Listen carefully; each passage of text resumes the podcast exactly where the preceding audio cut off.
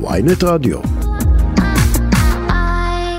טוב, ניר ברקת עם- איתנו, כיום ראש מועצת אורנים, טייס קרב, אה, אחד מהחותמים. שהיה עם קיש בס- בטייסת, נכון, שלום לך, בוקר לך טוב. ניר. בוקר טוב, שרון וישי. לפני שנכנסים, אה, סתם מעניין אותי איך הקשר שלך עם יואב קיש בימים אלה. פחות מדברים כמו בעבר.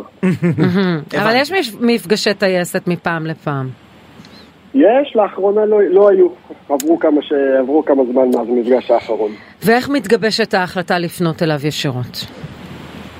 זה נורא פשוט. אנחנו פשוט אה, רואים את התהליכים שקורים היום בכנסת וברחובות במדינה. אנחנו יודעים שקיש שירת אותנו, איתנו ביחד שנים רבות, טסנו ביחד, יצאנו לפעיממים ביחד, ואנחנו מתקשים להבין איך מי שצמח במערכת חיל האוויר, כל כך מקצועית, כל כך יסודית, שנלחמה להגן על הדמוקרטיה, נותן את ידו ומרים את ידו, ושותף פעיל ומרכזי בתהליכים כל כך הרסניים למדינה. אתה מפקפק במניעיו הציוניים? אני לא מפקפק במניעה בציוניים, אבל אני חושב שהיום, אחרי שנים רבות שהוא במערכת הפוליטית, השיקולים שלהם, שלו, הם לא תמיד השיקול הראשון טובת המדינה. יש לו שיקולים נוספים. תסביר. כולנו יודעים מי שנמצא במערכת הפוליטית, בוודאי במפלגה שיש בה פריימריז, מה צריך לעשות על מנת אה, להמשיך ולהיבחר בפריימריז ולקבל תפקידי שר בכירים. ואולי יש לכם מחלוקת אמיתית, עקרונית. אולי אפילו מי שצמח בחיל האוויר יכול לחשוב אחרת ממך. זה לא אולי, זה בוודאות יש לנו מחלוקת. לא, אבל אתה, אתה אומר, גדולה. אתה לא, אומר אבל- אין פה וגם- מחלוקת, אתה אומר בעצם... שזה אופורטוניזם. שיואב קיש בליבו פנימה מסכים איתך, אבל הוא, אותו, הוא מקדם כל מיני תהליכים בגלל אינטרס פוליטי. בוודאי שאני לא אומר את זה, ובוודאי שטייסי חיל האוויר... לזה רמזת לפני רגע עם הפריימריז. לא, אמרתי שיש לנו הסכמה בין מי שחתם על המכתב ומי שהפגין אתמול מול ביתו, שאנחנו לא מסכימים עם קיש. אבל בוודאי שאנחנו לא מקשה הומוגנית אחת. טייסי חיל האוויר יש מכל, מכל המגזרים, אה, חובשי כיפות, חילונים, קיבוצים, אה, מתיישבים ביהודה ושומרון. ויש מחלוקת גם בינינו. אבל מה שאנחנו אומרים עוד דבר, תמיד אנחנו כשיצאנו לכל משימה בכל פעימיהם, טובת המדינה וטובת המשימה הייתה לנגד עינינו. ובשביל זה עשינו כמה דברים. אחד, אנחנו לא הולכים, אה, יוצאים לשטח וממריאים לפני שאנחנו יודעים מה אנחנו רוצים לעשות. ויש פה חקיקה מהירה, על גבול הרשלנית, בבליץ שמעולם לא נראה בכנסת. וזה לא איזה חקיקה זוטרה שמשנה איזה משהו שולי שישפיע על מעט אנשים. זה שינוי פני הדמוקרטיה. ולא עושים תהליכים כאלה בצורה מהירה. הנקודה השנייה, והיא לא פחות חשובה, לא עושים תהליכים כאלה משמעותיים בלי שיש הסכמות רחבות, אז- בלי שיש אז הנה. לפני רגע, לפני רגע הזכרנו את, ה, את המהפכה המשטרית של 92, אתה קראת לזה, זו. לא הייתה מהפכה משטרית. זה שתציג את זה ככזו, זה לא הופך זה, אותה זה לכזו. ליטרלי לשנות את שיטת המשטר. אבל ו- זה לא, זה הניסוי כי- שכשל. כי- כי מדובר בשיטת עבר? בחירות, איך הוא עבר? ולא מדובר שינוי ברוב איזונים של ובלמים. 55 נגד 40 ולא זוכר כמה, בקריאה ראשונה, שנייה ושלישית רגיל, היה דיון, בין קריאה ראשונה לשנייה ושלישית שינו קצת את, ה, את הסעיפים, מיתנו קצת בגלל הסתייגויות של חלק מחברי הכנסת, האופוזיציה התנגדה, ובכל זאת הלכו על זה. אני לא מומחה משפטי, אבל ככל שאני זוכר מהכתבות שקראתי ומהפרסומים, זה לא היה יום אחד בכנסת. זה היה תהליך, אם אני זוכר נכון, משהו בין שנה וחצי לשנתיים, של החקיקה של החוקים לא, האלה. בסוף, אחרי עצמה, שהגיעו להסכמות... היו דיונים, נכון, היו דיונים לפני, החקיקה עצמה הייתה כמה חודשים, זה כמו, כמו מה שמתוכנן עכשיו. ואני עדיין חושב שאי אפשר להשוות את אה, עומק והשפעת החקיקה של אז לעומק וההשפעה של החקיקה היום. היום אנחנו לא מדברים על שני חוקי יסוד, אנחנו מדברים על אפשרות לבטל את הביקורת השיפוטית על כל חוקי היסוד.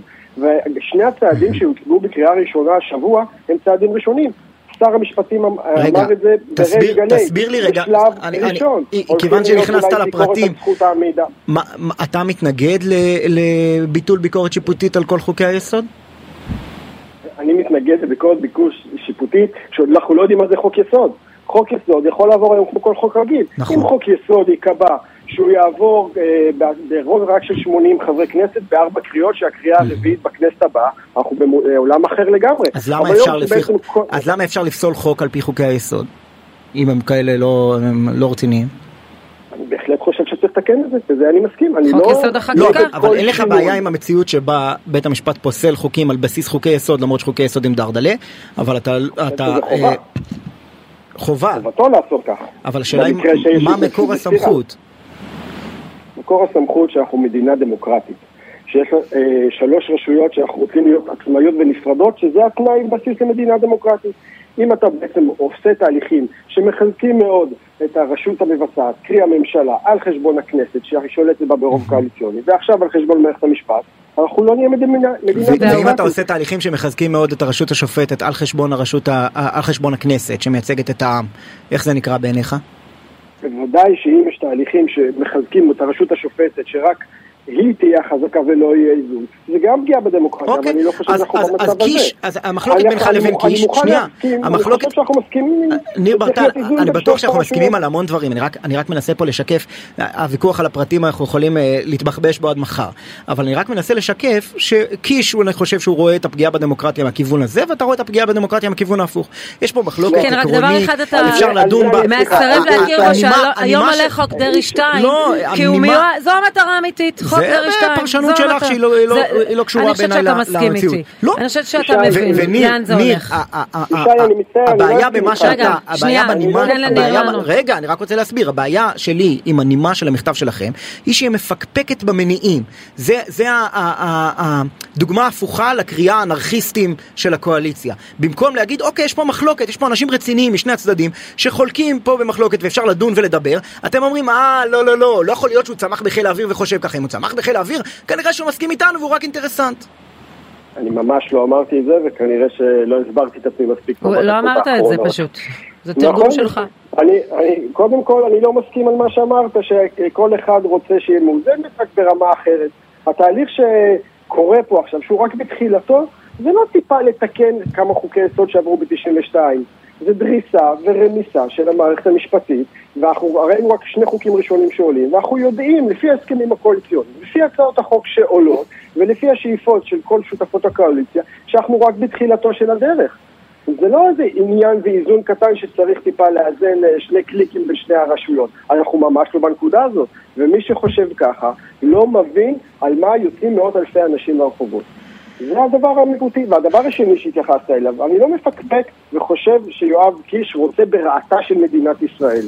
אבל אני בהחלט חושב שהוא לא שקל את כל השיקולים, והוא לא שם גם באיזון המתאים את אחדות העם, את החשיבות לשמור על הדמוקרטיה. במגילת העצמאות שלנו, שהיא אה, בסיס אה, ליסוד והיא כוננה את המדינה, כתוב... מישהו מכם ניסה לדבר איתו? חברתי ומדיני גמור לכל אזרחים. התהליכים שהם מובילים הולכים לא לאפשר לזה לקרות.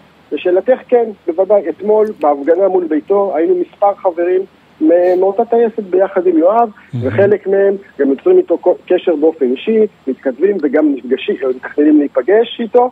אני מאוד מקווה שמשהו יזוז ומשהו ישתנה. זה די מהלך יוצא רק... דופן לעמוד מול ביתו של אדם שאתה מכיר אותו היטב והלך איתך שנים לעמוד מולו ולהפגין, זה דברים שלא קרו כמעט אף פעם, אולי באמת אה, באירועים כמו התנתקות מהסוג כן, הזה, או הסכמי אוסלו, באירועים גדולים ש... שפילגו את העם אה, למחלוקות. כן. ניר והם ברטל. לא הבחירה הישירה. טוב, ניר ברטל, תודה רבה לך. ואיתנו עוד מישהו שהוא חלק ממחאה, מחאת יוצאי השב"כ, לדיכטר, מכתב אחר, לשעבר ראש מחלקה משפטית בשב"כ, עורך הדין עדי ענדר, שלום לך. בוקר טוב. איך היחסים שלך עם אה, אבו נביל? אבו נביל אה, היה ראש השב"כ כאשר אני הייתי עובד אה, מן השורה. במהלך שנים, דמות ממלכתית, אבי דיכטר כמובן למי שלא מכיר את אה, שמו כן. המבצעי בשב"כ. דמות כן. ממלכתית שהטמיעה ערכים של ריסון הכוח, של ממלכתיות. אבי דיכטר בשנת 2002 היה חתום על אה, חוק השב"כ שעבדו עליו, שימו לב, 14 שנים. 14 שנים עבדו על חוק השב"כ, לא יום ולא יומיים, אה, ובסופו החוק נחתם, חוק שיש בו ערכים של ממלכתיות, ערכים של שמירה על סדרי השלטון הדמוקרטי, ואנחנו מאות מעובדי השירות, בהם מפקדיו, אה, בין החותמים, היום אה, בבוקר יש לנו כבר 480 חותמים ולמעלה מ-600 חברים בקבוצת וואטסאפ. כן. ש, שביניהם גם כרמי גילון, עמי איילון, יובל דיסקין, גם ראשי שב"כ לשעבר. בהחלט, עשרות ראשי רוצה... אגפים, כן. עשרות ראשי אגפים, דרגות מקבילות לאלוף, תתי אלופים, אלופי משנה וכיוצא בזה, אנשים שמאוד מאוד מאוכזבים, אה, שאותם ערכים, שאדם שמשנה פוזיציה, פתאום הערכים האלה מתאדים. שבו בנפשכם, עוד משפט אחד בבקשה, שבו בנפשכם אה, מפקד נערץ בצבא, מורה בבית הספר, מדריך בתנועת הצופים, שמטמיע בחניכיו, בעובדיו, משך שנים, ערכים של ממש, וברגע אחד, כשהוא משנה פוזיציה, לפתע יש שיקולים אחרים, צרים יותר ככל הנראה, שהם עולים על, על אותם ערכים שכולנו שותפים להם. שוב השיקולים הזרים. אני תוהה איך הם הרגישו פקודיו לשעבר של uh, יאיר גולן כשהתחיל להשמיע את עמדותיו הפוליטיות.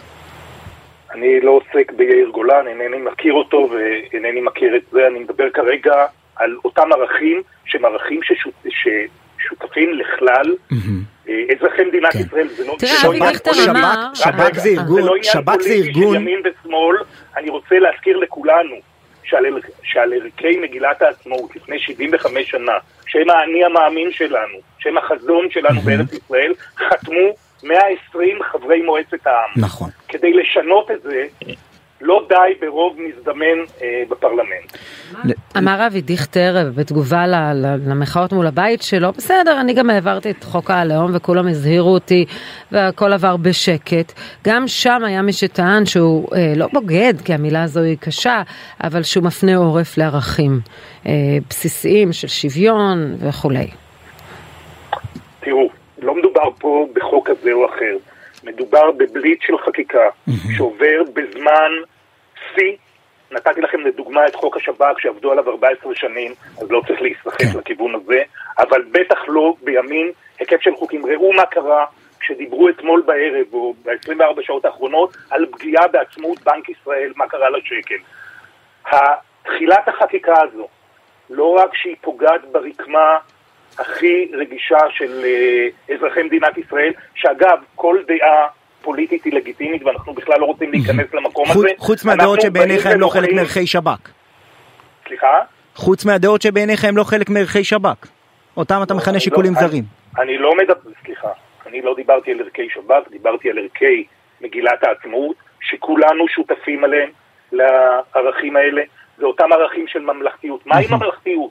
ממלכתיות היא נאמנות לממלכה, לא למולך. אוקיי? נכון. למדינה, לאינטרס הציבורי הרחב ביותר. והפרשנות אוקיי? של, הפרשנות של אבי דיכטר וחבריו לערך הזה, היא שהממלכה, הריבון הוא העם. והשלטון צריך להיות בידי העם, ונעשה מחטף שהעביר חלק רחב מסמכויות השלטון לאנשים לא נבחרים. הם רוצים לתקן את זה. האם אתה מוכן להודות בזה שיש לך מחלוקת איתם, אבל מחלוקת עקרונית אידיאולוגית, או שהצד השני הוא רק שקול, שוקל שיקולים זרים? אני אומר שוב, עמדה פוליטית כזו או אחרת היא לגיטימית לכל כיוון.